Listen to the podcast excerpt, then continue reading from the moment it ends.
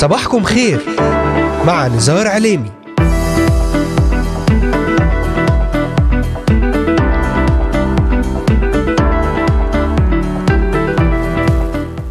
السابع والعشرون من شهر يونيو حزيران للعام 2023 المستمعات والمستمعون صباح الخير. أهلا بكم في يوم جديد ضمن الموسم الثاني من برنامج صباحكم خير معكم على الهواء مباشرة نزار عليمي من إذاعة صوت الأمل. أرحب بمستمعينا من الأراضي المقدسة ومن بلدان الشرق الأوسط وشمال أفريقيا وأيضا مستمعينا الأحباء من سوريا، لبنان، مصر، تركيا، الأردن والعراق، ليبيا، اليمن، السعودية والكويت ومستمعينا من أستراليا، أمريكا، ألمانيا، كندا والسويد والذين يتواصلون معنا ويتابعوننا على مختلف منصاتنا الاجتماعية لإذاعة صوت الأمل.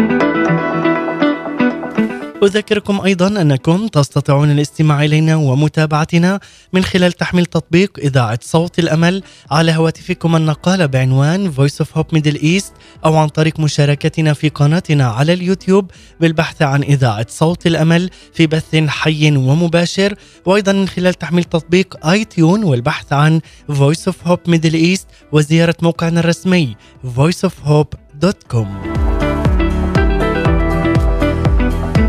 تابعونا على مدار هذه الساعة الصباحية ولأي سؤال أو استفسار تواصلوا معنا الآن. وللتنويه تستطيعون الاستماع والعودة إلى جميع حلقات برنامج صباحكم خير وذلك من خلال متابعتنا على محرك البحث إذاعة صوت الأمل في كل من تطبيقات أنغامي Spotify Deezer Amazon Music Apple Podcast و Pocket Casts بوتفاين بودكاست وستجدون جميع هذه الحلقات وغيرها من البرامج الخاصة لإذاعة صوت الأمل على هذه المنصات الاجتماعية المختلفة وذلك بالبحث عن إذاعة صوت الأمل أو برنامج صباحكم خير. كما وأذكركم أن هذه الحلقة تعاد أيضا في تمام الساعة الثانية ظهرا بتوقيت القدس. أهلا وسهلا بكم أحباء المستمعين والمتابعين أينما كنتم. أهلا بكم في إذاعتكم صوت الأمل من هنا من الأراضي. المقدسة.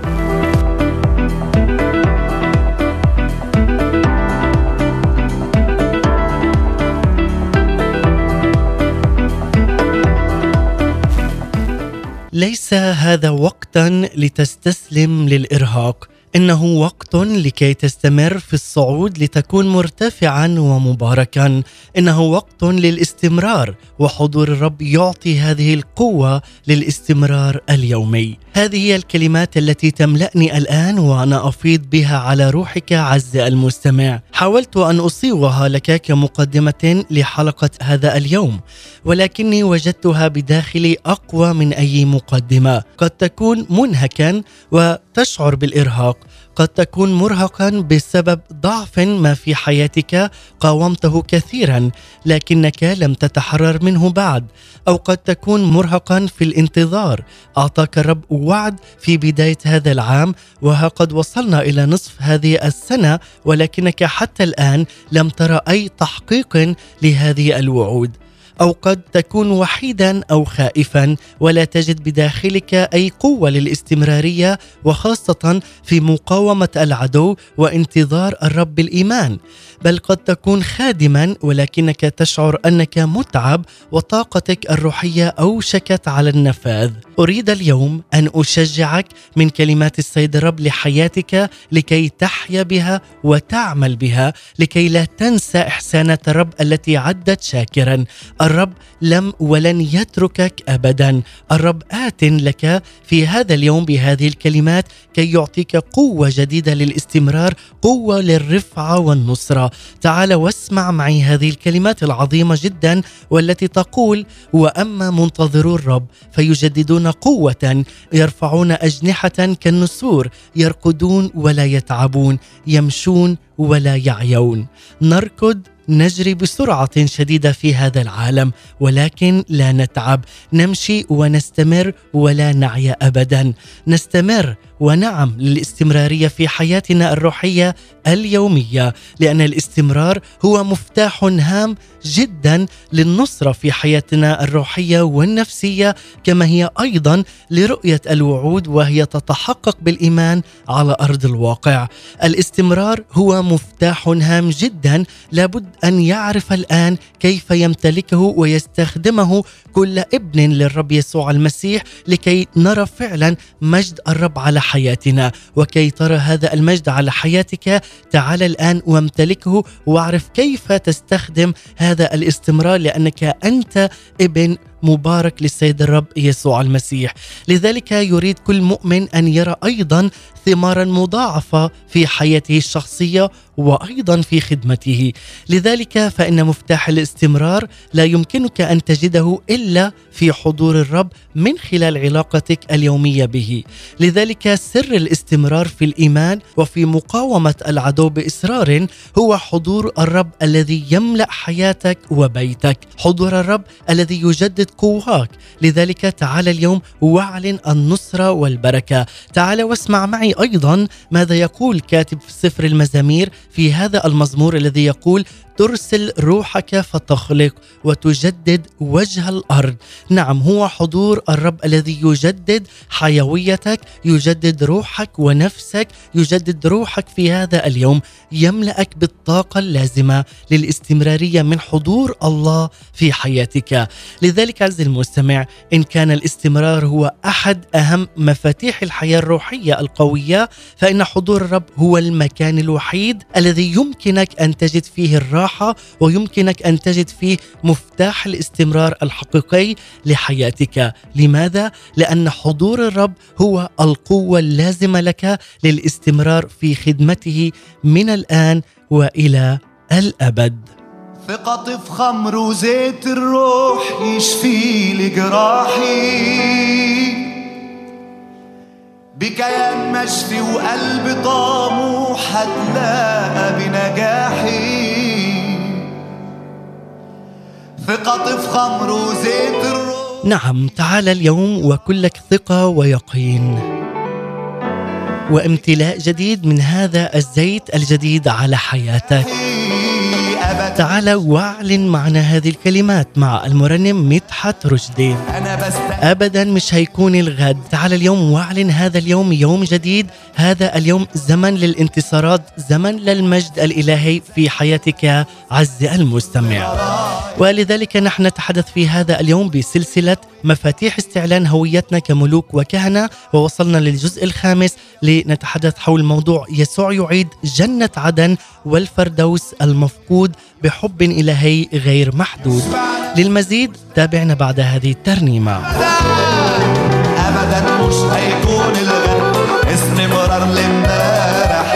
أنا بستقبل زمن المجد وزمن الذل ده ابدا مش هيكون الغد استمرار لامبارح. أنا بستقبل زمن المجد وزمن الذل. ينكسر. ينكسر النير اللي عليا وتتقطع ربطي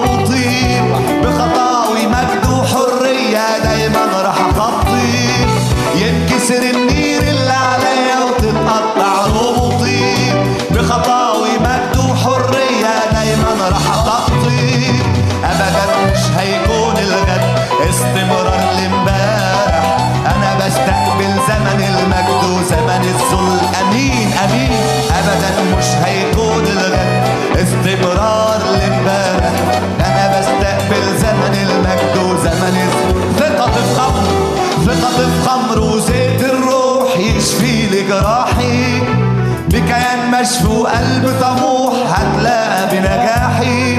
ثقة في خمر وزيت الروح يشفي لي جراحي بكيان مشفي وقلب طموح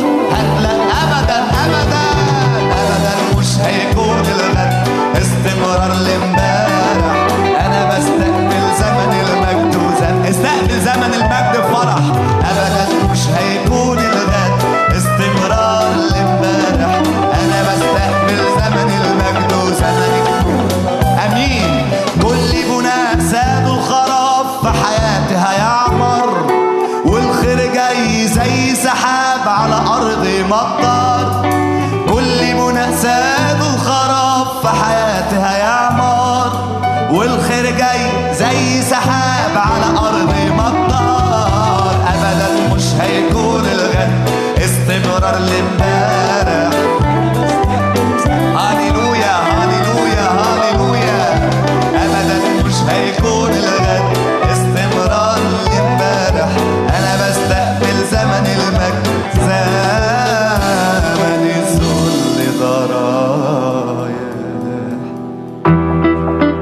تستمعون الآن لبرنامج صباحكم خير مع نزار عليني.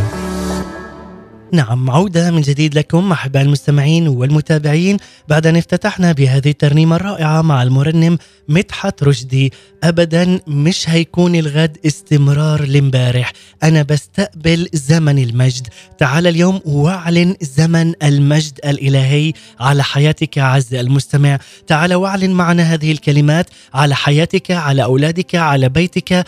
تعال واعلنها باستمرار أيضا في خدمتك واستمر أيضا في الرفعة والمجد والبركة الإلهية على حياتك عندما تستقبلها بالإيمان. لأنه هو إله الاستمرارية وهو إله المجد هو إله أمس واليوم وإلى الأبد هو الإله الأمين والقدوس هو الإله العادل لأن الاستمرار هو مفتاح هام جدا للنصرة في الحياة الروحية كما هي أيضا لرؤية الوعود التي تتحقق بالإيمان على أرض الواقع من خلال علاقتك وحضور السيد الرب في حياتك. لذلك عز المستمع ترتكز رسالتنا في هذا اليوم على عدة آيات من الكتاب المقدس وخاصة من سفر التكوين وإشعياء ورسالة بطرس الأولى وذلك من خلال هذه السلسلة التي انطلقنا بها مؤخرا بعنوان مفاتيح استعلان هويتنا كملوك وكهنة وتحدثت بجزئها الأول حول أربعة وجوه للمخلوقات الحية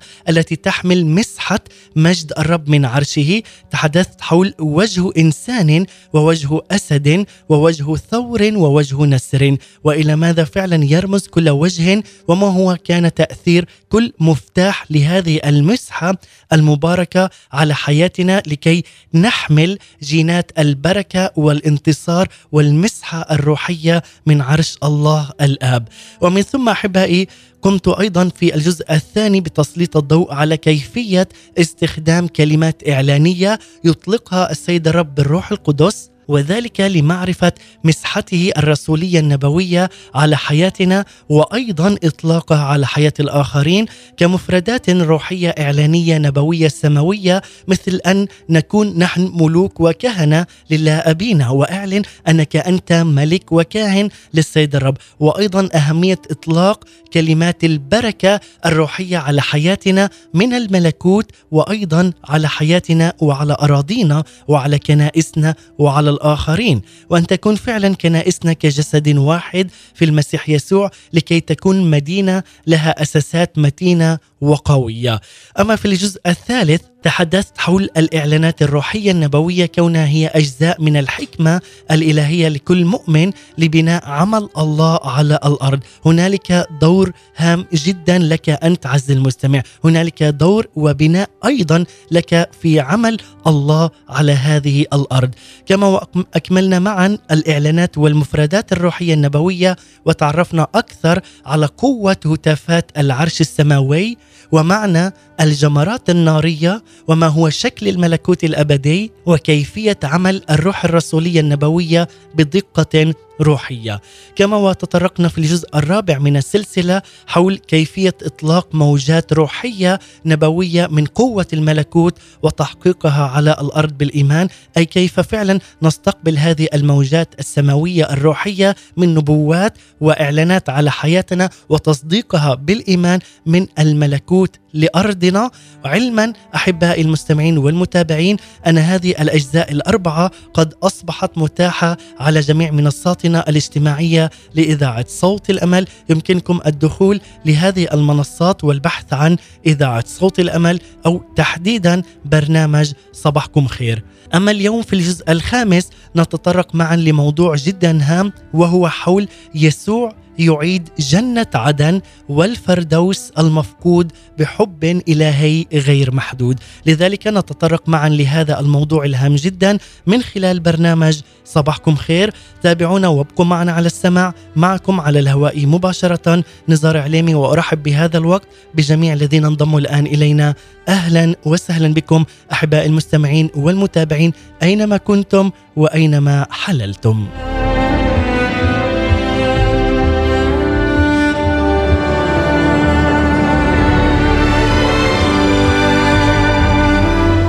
بداية دعونا نقرأ من سفر التكوين الإصحاح الأول والعدد الأول والثاني يقول: في البدء خلق الله السماوات والأرض، وكانت الأرض خربة وخالية، وعلى وجه الغمر ظلمة وروح الله يرف على وجه المياه.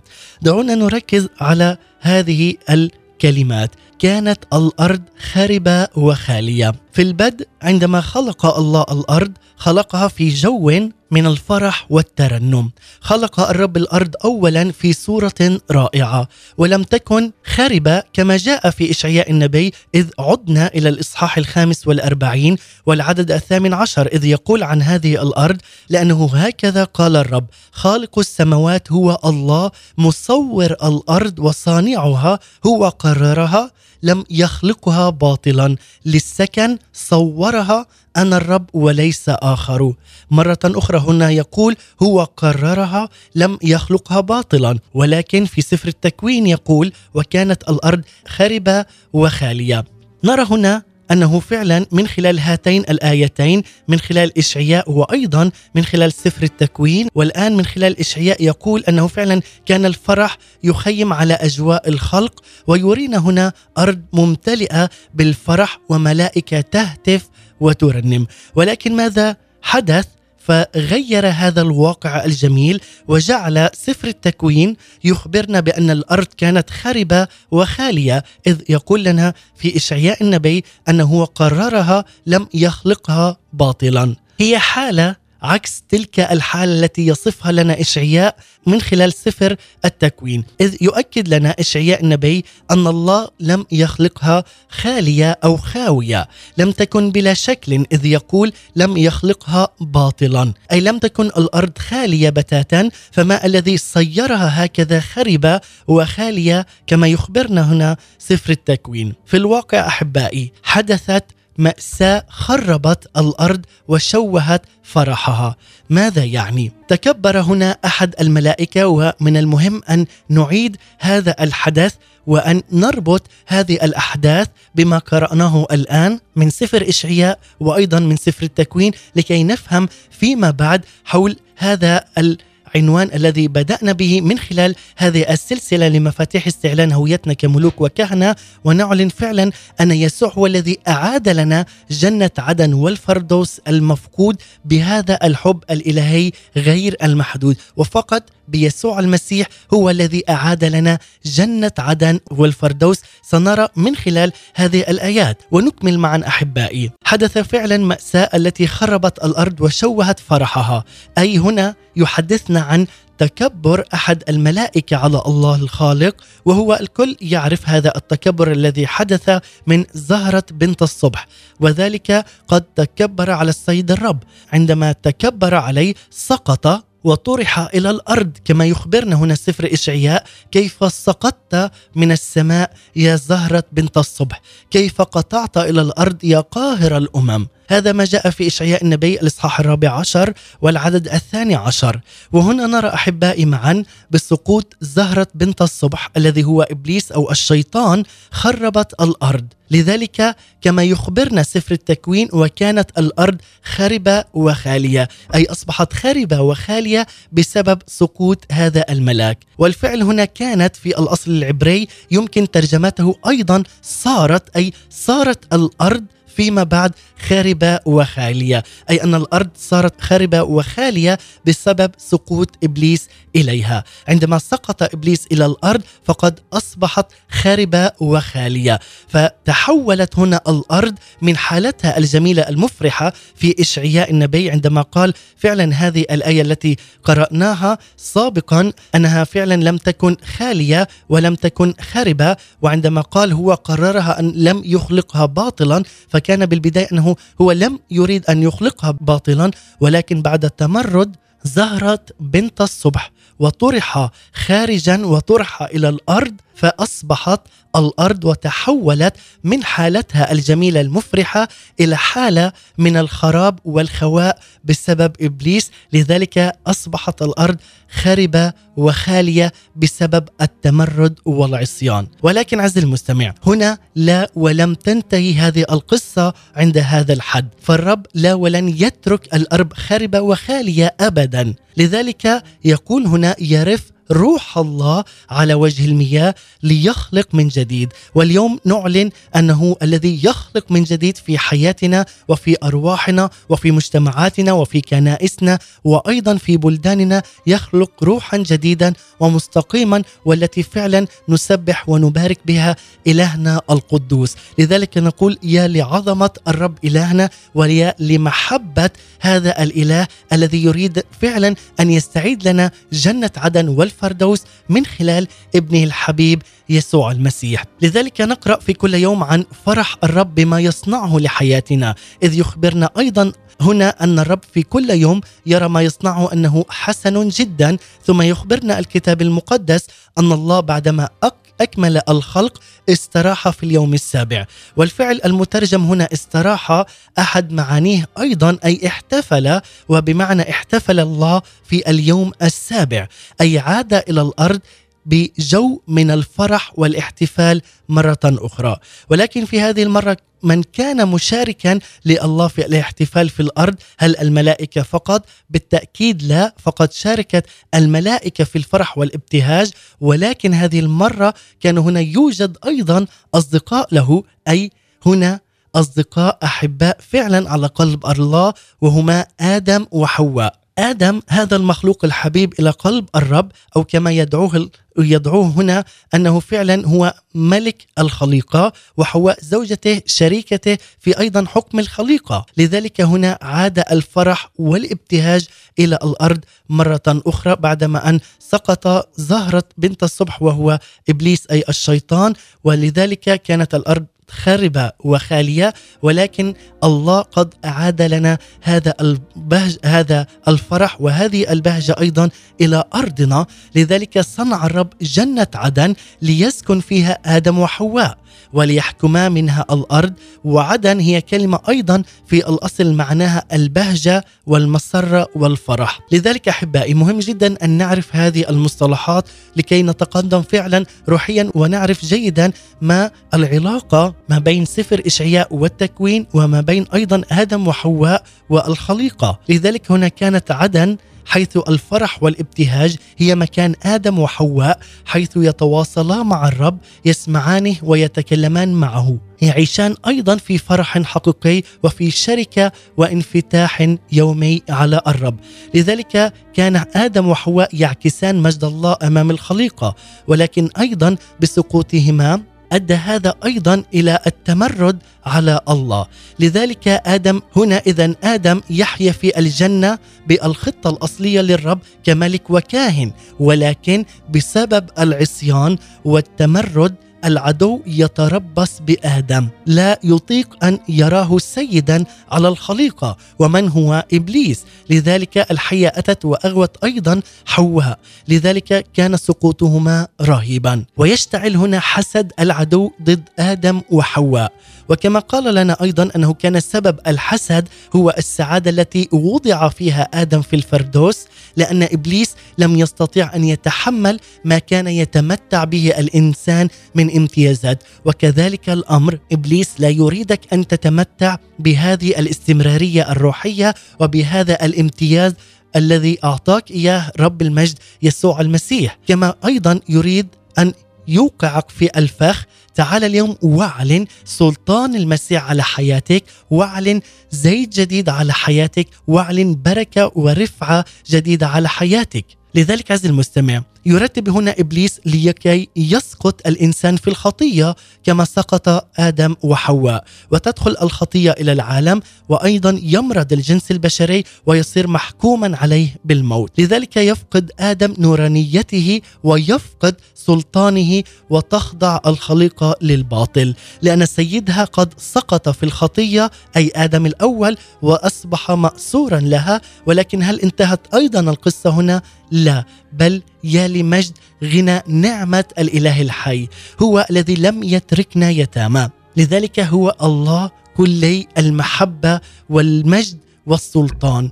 يأتي آدم الأخير وهو الرب الفادي المخلص يسوع المسيح لكي يأخذ ما لآدم الخطية والعار والأسر ويعطي آدم ما له البر والكرامة والحرية والسلطان مرة أخرى لنا. لماذا؟ لأننا قد أصبحنا أبناء مباركين للسيد الرب يسوع المسيح من خلال صلبه وموت يسوع المسيح وقيامته. لذلك آدم الثاني والأخير وهو يسوع المسيح استرد لنا هذا النور العظيم.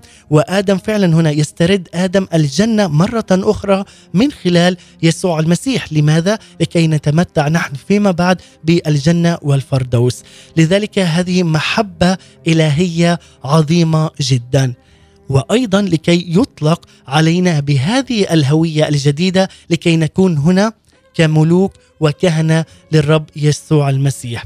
لذلك عز المستمع على كل مؤمن آمن بالسيد الرب يسوع المسيح وآدم أي آدم الأخير يستطيع فعلا هنا أن يسترد سلطانه كملك وكاهن واليوم إذا أنت تؤمن بملك الملوك ورب الأرباب يسوع المسيح أنت قد أخذته هذا السلطان من الرب يسوع المسيح بكل بركة لأنك أنت الآن أصبحت ملك وكاهن مع الرب يسوع المسيح. وأيضا كما تقول لنا هذه الآية الرائعة الذين ينالون فيض النعمة وعطية البر سيملكون في الحياة بالواحد بيسوع المسيح. هذا هو الإله الحي وفعلا هذه الهوية التي يعلنها لنا الرسول بطرس في رسالته الأولى كهنوت مقدس وكهنوت ملوكي. ومن هنا أحبائي نحن فعلا أصبحنا كهنوت مقدس وكهنوت ملوكي. تعال واعلن على حياتك أنك أنت تعيش كملك وكاهن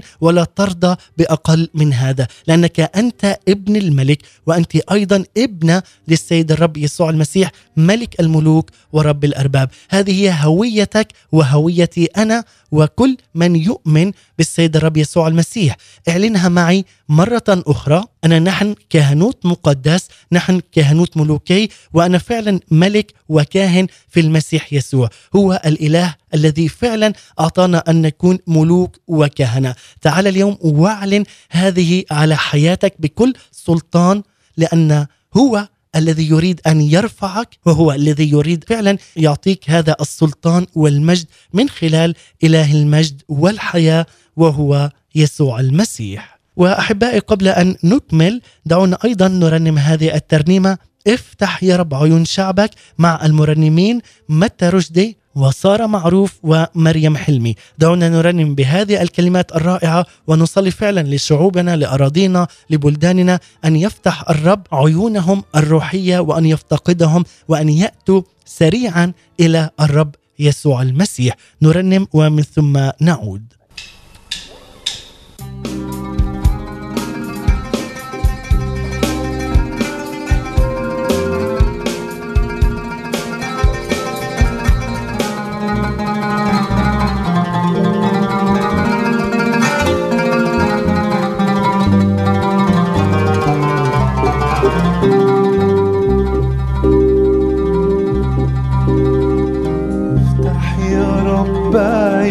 عيون شعبك يشوفك انت ويسمع لك تغفر خطايا ويرجع لك.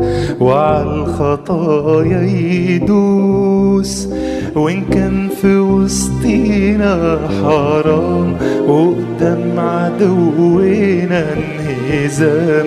اكشف لنا فين هو عخان واحفظنا من اللصوص يا علي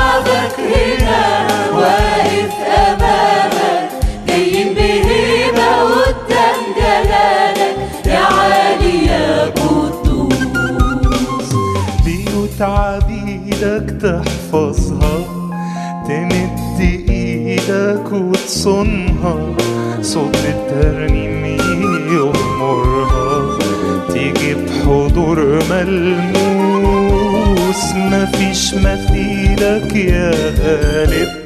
تصنع لشعبك عجايب وتحفظه في التجارب. إبليس يعود مفروض.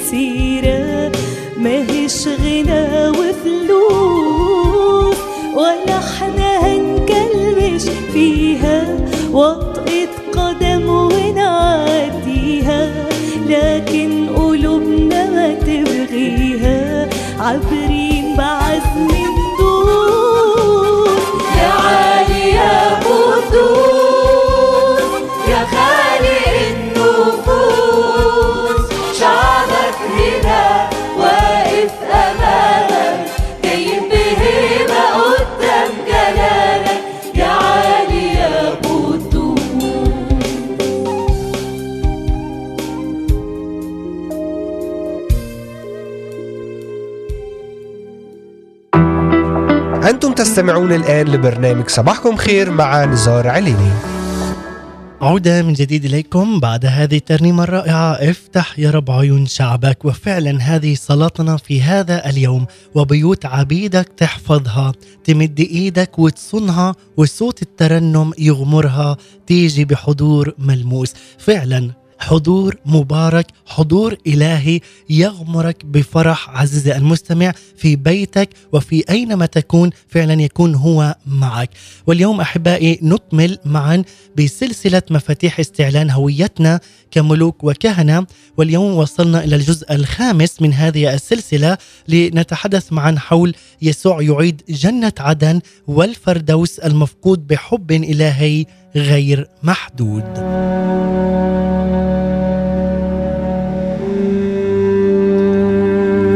وبعد أن تعرفنا معا لماذا تم تسمية كل مؤمن بأن يكون ملك وكاهن عظيم في المسيح يسوع وفعلا قد تعرفنا أيضا ما الفرق بين هنا إشعياء النبي وأيضا سفر التكوين حول جنة عدن. لذلك نكمل الآن ونتعمق أكثر في رؤية العهد الجديد لهذه الهوية الكهنوتية الملوكية لكي نعلنها على حياتنا كملوك وكهنة من خلال كلمات الرسول بطرس الذهبية في رسالته الأولى والمباركة. لذلك يكتب لنا هنا الرسول بطرس بالروح القدس في الرسالة الأولى والإصحاح الثاني والعدد الخامس يقول كونوا أنتم أيضا مبنيين كحجارة حية بيتا روحيا كهنوتا مقدسا لتقديم ذبائح روحية مقبولة عند الله بيسوع المسيح. يوصي لنا هنا الرسول بطرس بهذه الكلمات مؤمنين متغربين عن أوطانهم أيضا بسبب الاضطهاد. ورغم الظروف الصعبة إلا أن الروح القدس يعطيهم مفتاح الحياة لكي يكونوا فعلا هم كهنوتا مقدسا. في الأصل اليوناني لهذه الآية أيضا هنا يبدأ الرسول بطرس بكلماته بذكر هويتهم كحجارة حية فيقول لهم وأنتم كحجارة حية كونوا مبنيين بيتا أي بيتا روحيا لكي تكونوا فيما بعد كهنوتا مقدسا لذلك. يتكلم لنا هنا بطرس كحجارة أو كمؤمنين يحملون حياة الله أينما ذهبوا يحملون أيضا جينات الله أينما تواجدوا ويوصيهم بطرس أن يكونوا مبنيين معا بروح واحدة كبيت روحي وكهنوت مقدس وذلك لتقديم ذبائح روحية أي يوصيهم أن يوجدوا معا كجسد واحد أمام عرش النعمة في عبادة حية بالروح القدس لكي فعلا يقدموا ذبائح الشكر والحمد والتسبيح للسيد الرب يسوع المسيح.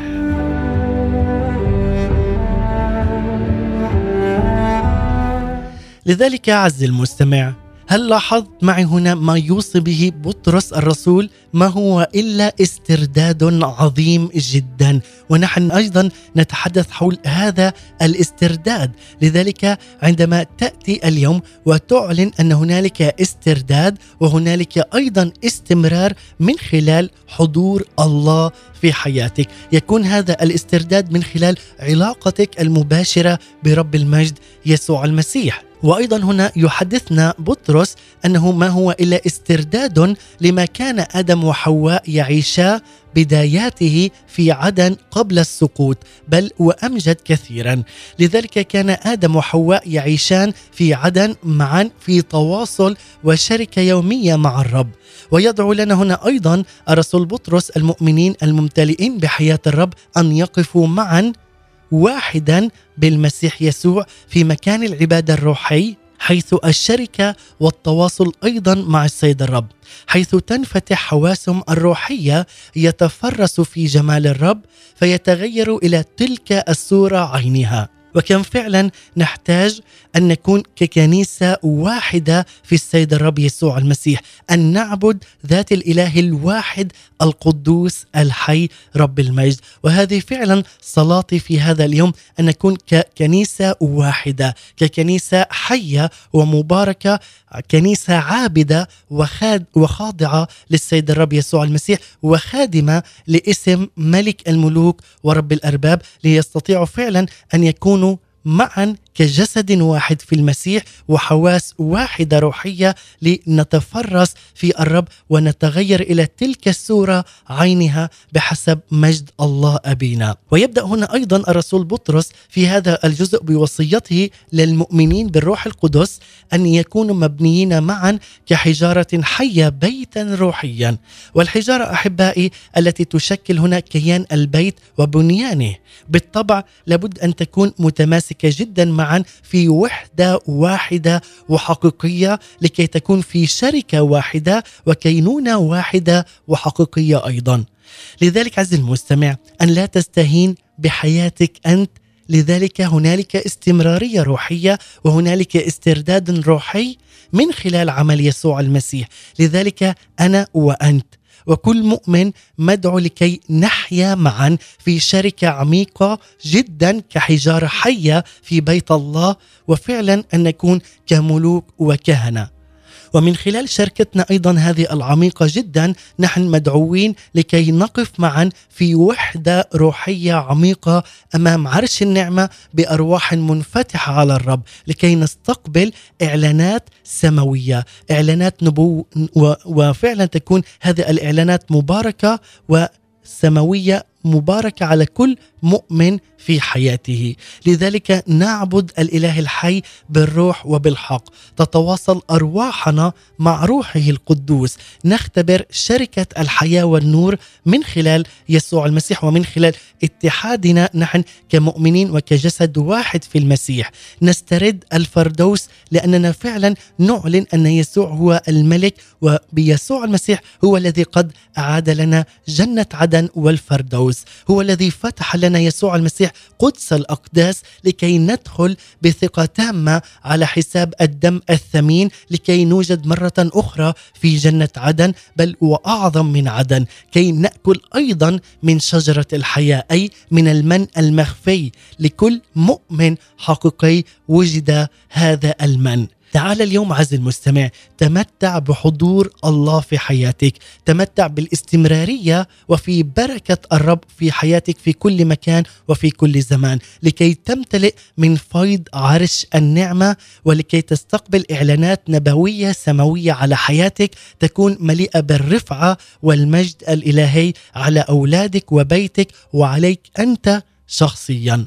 لذلك حيث أرواحنا تكون متواصلة أيضا مع روح الله الآب وحواسنا تكون مفتوحة لاستقبال كلماته ونغماته وأمواجه أيضا الروحية السماوية. لذلك عندما تستعلن لأرواحنا هذه الهوية ونؤمن بها كملوك وكهنة فإذا نحن لسنا بعد منفصلين عن روح الله بل نحن أصبحنا في اتحاد تام وكامل من خلال الدم الكامل والعامل والدم الثمين من خلال يسوع المسيح والذي فعلا به التصقنا التصاقا تاما. لذلك تستعلن لأرواحنا هذه الهوية الجديدة لكي نكون ملوك وكهنة. نراه أيضا يقول بوجه مكشوف نعرفه بالروح وبالحق. أمواج حياته تتدفق فينا وفي حياتنا وفي كل أمر في حياتنا عز المستمع. وإذ أيضا نراه وتستعلن هويته لكل مؤمن حقيقي. لذلك نجد أنفسنا وقد استعلنت هويته أيضا في كل واحد فينا كي نتغير إلى تلك الصورة عينها صورة آدم الأخير صورة يسوع المسيح رب المجد. لذلك عز المستمع إعلان هويتنا كملوك وكهنة لا يحدث إلا باستعلان هويته لنا وفينا. أي من خلال يسوع المسيح إذ صدقنا وآمنا بعمل يسوع المسيح ودم يسوع المسيح على حياتنا وآمنا به ربا والها ومخلصا. تكون لنا هذه الهوية الجديدة كملوك وكهنة. وأيضا أحبائي استعلان هويته فينا لا يحدث إلا عندما نفرز ونخصص له بالكامل. لذلك ندخل أيضا معه في شركة جديدة وشركة عميقة تنعكس وتزيد من شركتنا معا في محبة حقيقية من كينونتنا ويصير هو في هذه الشركة الكل في الكل وهو ضابط الكل لكي تستعلن في هذه العلاقة وتسترد وتفعل هويتنا ككهنوت مقدس ومبارك. إذ نحيا نحن أيضا في هذه العلاقة الحقيقية نوجد أمامه معا في العرش تنطبع صورته علينا ويستعلن بيته فينا ونبدأ في اللمعان مرة أخرى بسبب الدم الدم الثمين دم حمل الله يسوع المسيح له كل المجد. لذلك أنت بهوية جديدة أنت ملك وكاهن، كهنوت مقدس عبادة تواصل وشركة يساوي هنا فرح وجنه عدن من جديد من خلال دم يسوع المسيح. سنرنم هذه الترنيمة الرائعة مع المرنمين بيتر بديع وبيمن بديع ترنيمة مر بي ولآني لنختتم فيما بعد ونتعرف أيضا بشكل سريع على الكهنوت الملوكي بعد أن تعرفنا على الكهنوت المقدس ابقوا معنا بعد هذه الترنيمة الرائعة والمباركة أحبائي المستمعين والمتابعين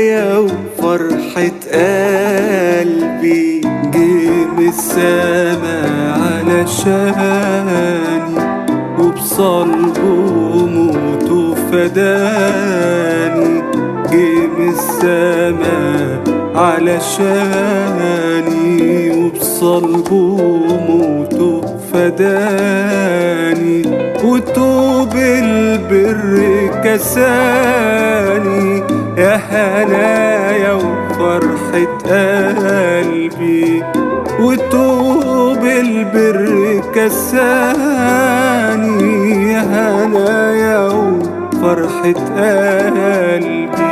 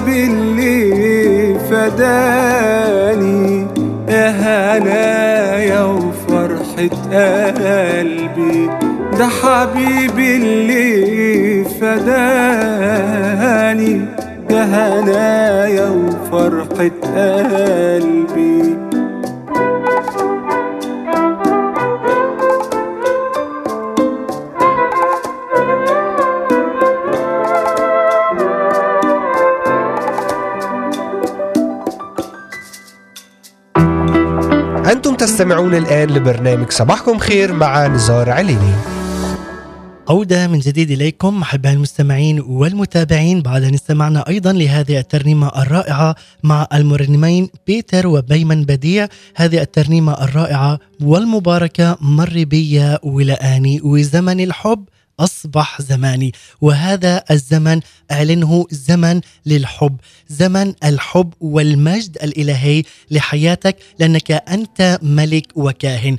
واليوم أحبائي نحن نتحدث بسلسلة مفاتيح استعلان هويتنا كملوك وكهنة وتحدثنا في الجزء الخامس في هذا اليوم حول يسوع يعيد جنة عدن والفردوس المفقود بحب إلهي غير محدود. وقبل هذه الترنيمة تحدثنا معا حول كهنوت مقدس عبادة تواصل وشركة يومية مع الله يساوي هنا فرح وجنة عدن من جديد من خلال آدم الثاني والأخير وهو يسوع المسيح.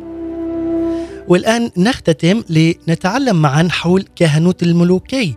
أي هنالك سلطان وإرسالية وكلمات تغير الواقع لكي تعيش أيضا في جنة عدن من جديد. لذلك كما قلنا أن آدم في الجنة يلمع بنور الرب أي يعكس صورة الله وشبهه. لذلك تهابه الخليقة وتخضع له ويحفظ الأرض بسلطانه. يتمم رساليته في أن يخضع الأرض ويحفظها ويعملها، وأنا فعلا وأنت عز المستمع في العهد الجديد عهد النعمة واقفين أمام العرش مستقبلين النعمة الإلهية السماوية لكي نطلق على أنفسنا وحياتنا أن نعيش كملوك وكهنة في المسيح يسوع، نستقبل منذ هذه اللحظة نوره ولمعانه نتغير إلى تلك الصورة عينها إلى صورته المجيدة والمباركة. لكي نعكس نوره ومجده وسلطانه لكي تراه كل الخليق فينا ومن خلالنا على أرض الواقع. لذلك الكل يخضع لملك الملوك ورب الأرباب يخضع يخضع للسلطان ولهذه الإرسالية العظمى من رب المجد لحياة كل واحد فينا. لذلك عز المستمع أننا نحن لسنا فقط مدعوين لأن نقف أمام العرش ونعاين المجد السماوي. إننا أيضا مدعوين لأن يصير العرش والمجد في داخلنا أي في قلوبنا مدعوين أيضا لكي نحمل المجد وأن نتحرك به في كل مكان لنغير الأجواء بسلطان المسحة الملوكية بسلطان المسحة الرسولية ومن خلال الإعلانات النبوية التي نأخذها كملوك وكهنة وكعلاقة وشركة يومية من الله أبينا لكي فعلا نخضع فيها هذا العالم وهذه الأراضي من خلال سلطان الله على حياتنا على أرض الواقع، لذلك نحن مدعوين لأن يسير العرش والمجد في داخلنا ومدعوين أيضا لنحمل المجد ونتحرك به لنغير هذه الأجواء في مدننا في كنائسنا وفي بلداننا لتصبح أجواء مليئة بالمسحة الملوكية مليئة بالمسحة والسلطان الإلهي وبالمسحة الإرسالية لكي نعلن كلمات تغير الواقع وكلمات فيها رفعة ومجد وبركة وكي تعيش كنائسنا وبلداننا أيضا وتعلن اسم يسوع المسيح انه هو الملك والحي وهو ملك الملوك ورب الأرباب. أحبائي المستمعين سنتطرق أكثر لهذا الموضوع حول كهنوت ملوكي وما معنى فعلا أن نعيش بسلطان وإرسالية عظمى في هذا العالم سنتطرق إلى هذا الموضوع في الجزء السادس يوم غد في نفس الزمان والمكان. والآن أحبائي قد وصلنا إلى نهاية هذه الحلقة في الجزء الخامس حول موضوع يسوع يعيد جنة عدن والفردوس المفقود بحب إلهي غير محدود. تحدثنا حول هذا الموضوع وتطرقنا أيضا حول كهنوت مقدس. ويوم غد سنكمل معا. أتمنى أن تبقوا معنا وأن تستمعوا أيضا لحلقة يوم غد لنتعرف أكثر حول كهنوت الملوكي والسلطان الإلهي وكيف فعلا يمكننا نحن كملوك وكهنة أن نغير أجواء الموجودة في الكنائس وأيضا في العالم وفي الأراضي المقدسة وفي كل مكان تدوسه بطون أقدامنا لنغير الأجواء وتصبح بسلطان المسحة الملوكية بالمسحة الرسولية من ملك الملوك ورب الأرباب يسوع المسيح. هنا نختتم أحبائي المستمعين والمتابعين وكما عودناكم في كل يوم ثلاثاء ننتقل إلى الفقرة الثابتة والتي تبث لكم من برنامج صباحكم خير في موسمه الثاني وهي فقرة المزامير بصوت الأخت المباركة نداء من لبنان. ووصلنا اليوم إلى المزمور السابع عشر لنستمع إلى هذا المزمور بصوت الأخت المباركة نداء من لبنان ومن ثم نختتم بترنيمة بعد هذا المزمور. المزمور السابع عشر. اسمع يا رب الحق وأنصت إلى صيحتي. أصغي إلى صلاتي يا رب من شفتين لا تعرفان الغش. أحكم ببراءتي يا الله فعيناك تريان الصواب. لو أنت امتحنت قلبي وتفقدته في الليل واختبرتني لما وجدت بي مذمة ولا هي تخرج من فمي. للناس أعمالهم وأما أنا فلزمت كما أوصيت سبيل فرائدك. تمسكت بالسير في دروبك فلا تحيد عنها خطواتي. دعوتك يا الله فاستجب لي. أمل أذنك واسمع كلامي. اختر تقيك يا رب. يا مخلص المحتمين بك من أعدائهم بيمينك. احفظني مثل حدقة العين وفي ظل جناحيك استرني. من أشرار يسدون طريقي داء الد داء يحجزون علي. يغلقون قلوبهم عن الرحمة وأفواههم تنطق بالكبرياء. يتبعونني والآن يحيطون بي. ونصب عيونهم القائي على الأرض. هم كالأسد الكامن للإفتراس وكالشبل المتوثب في مكمنه. قم يا رب في وجوههم واصرعهم ونجني من شرورهم بسيفك. هم رجال صنعتهم بيديك ومنحتهم نصيبهم في الحياة وملأت بطونهم من خيرك. يشبعون مع بنيهم ويتركون ما يفضل عنهم لبني البنين. وأنا في براءتي أعاين وجهك وأشبع في يقظتي من حضورك.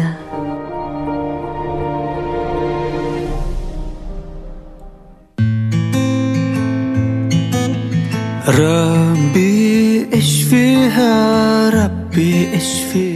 الأخت نداء من لبنان شكرا لك ولمشاركتنا بالمزمور السابع عشر وشكر أيضا موصول لمستمعينا الكرام ولمتابعي برنامج صباحكم خير. ونختتم مع هذه الترنيمة ربي اشفيها ليكون هنالك شفاء كامل وتام لأراضينا وكنائسنا أيضا. لنكون فعلا ملوك وكهنة. نلتقي في نفس الزمان والمكان يوم غد لنكون مع الجزء السادس وحلقة جديدة من سلسلة مفاتيح استعلان هويتنا كملوك وكهنة. ضمن برنامج صباحكم خير وأتمنى لكم يوما سعيدا ومباركا. هذه تحيتي لكم مني أنا نزار عليمي. سلام المسيح إلى اللقاء.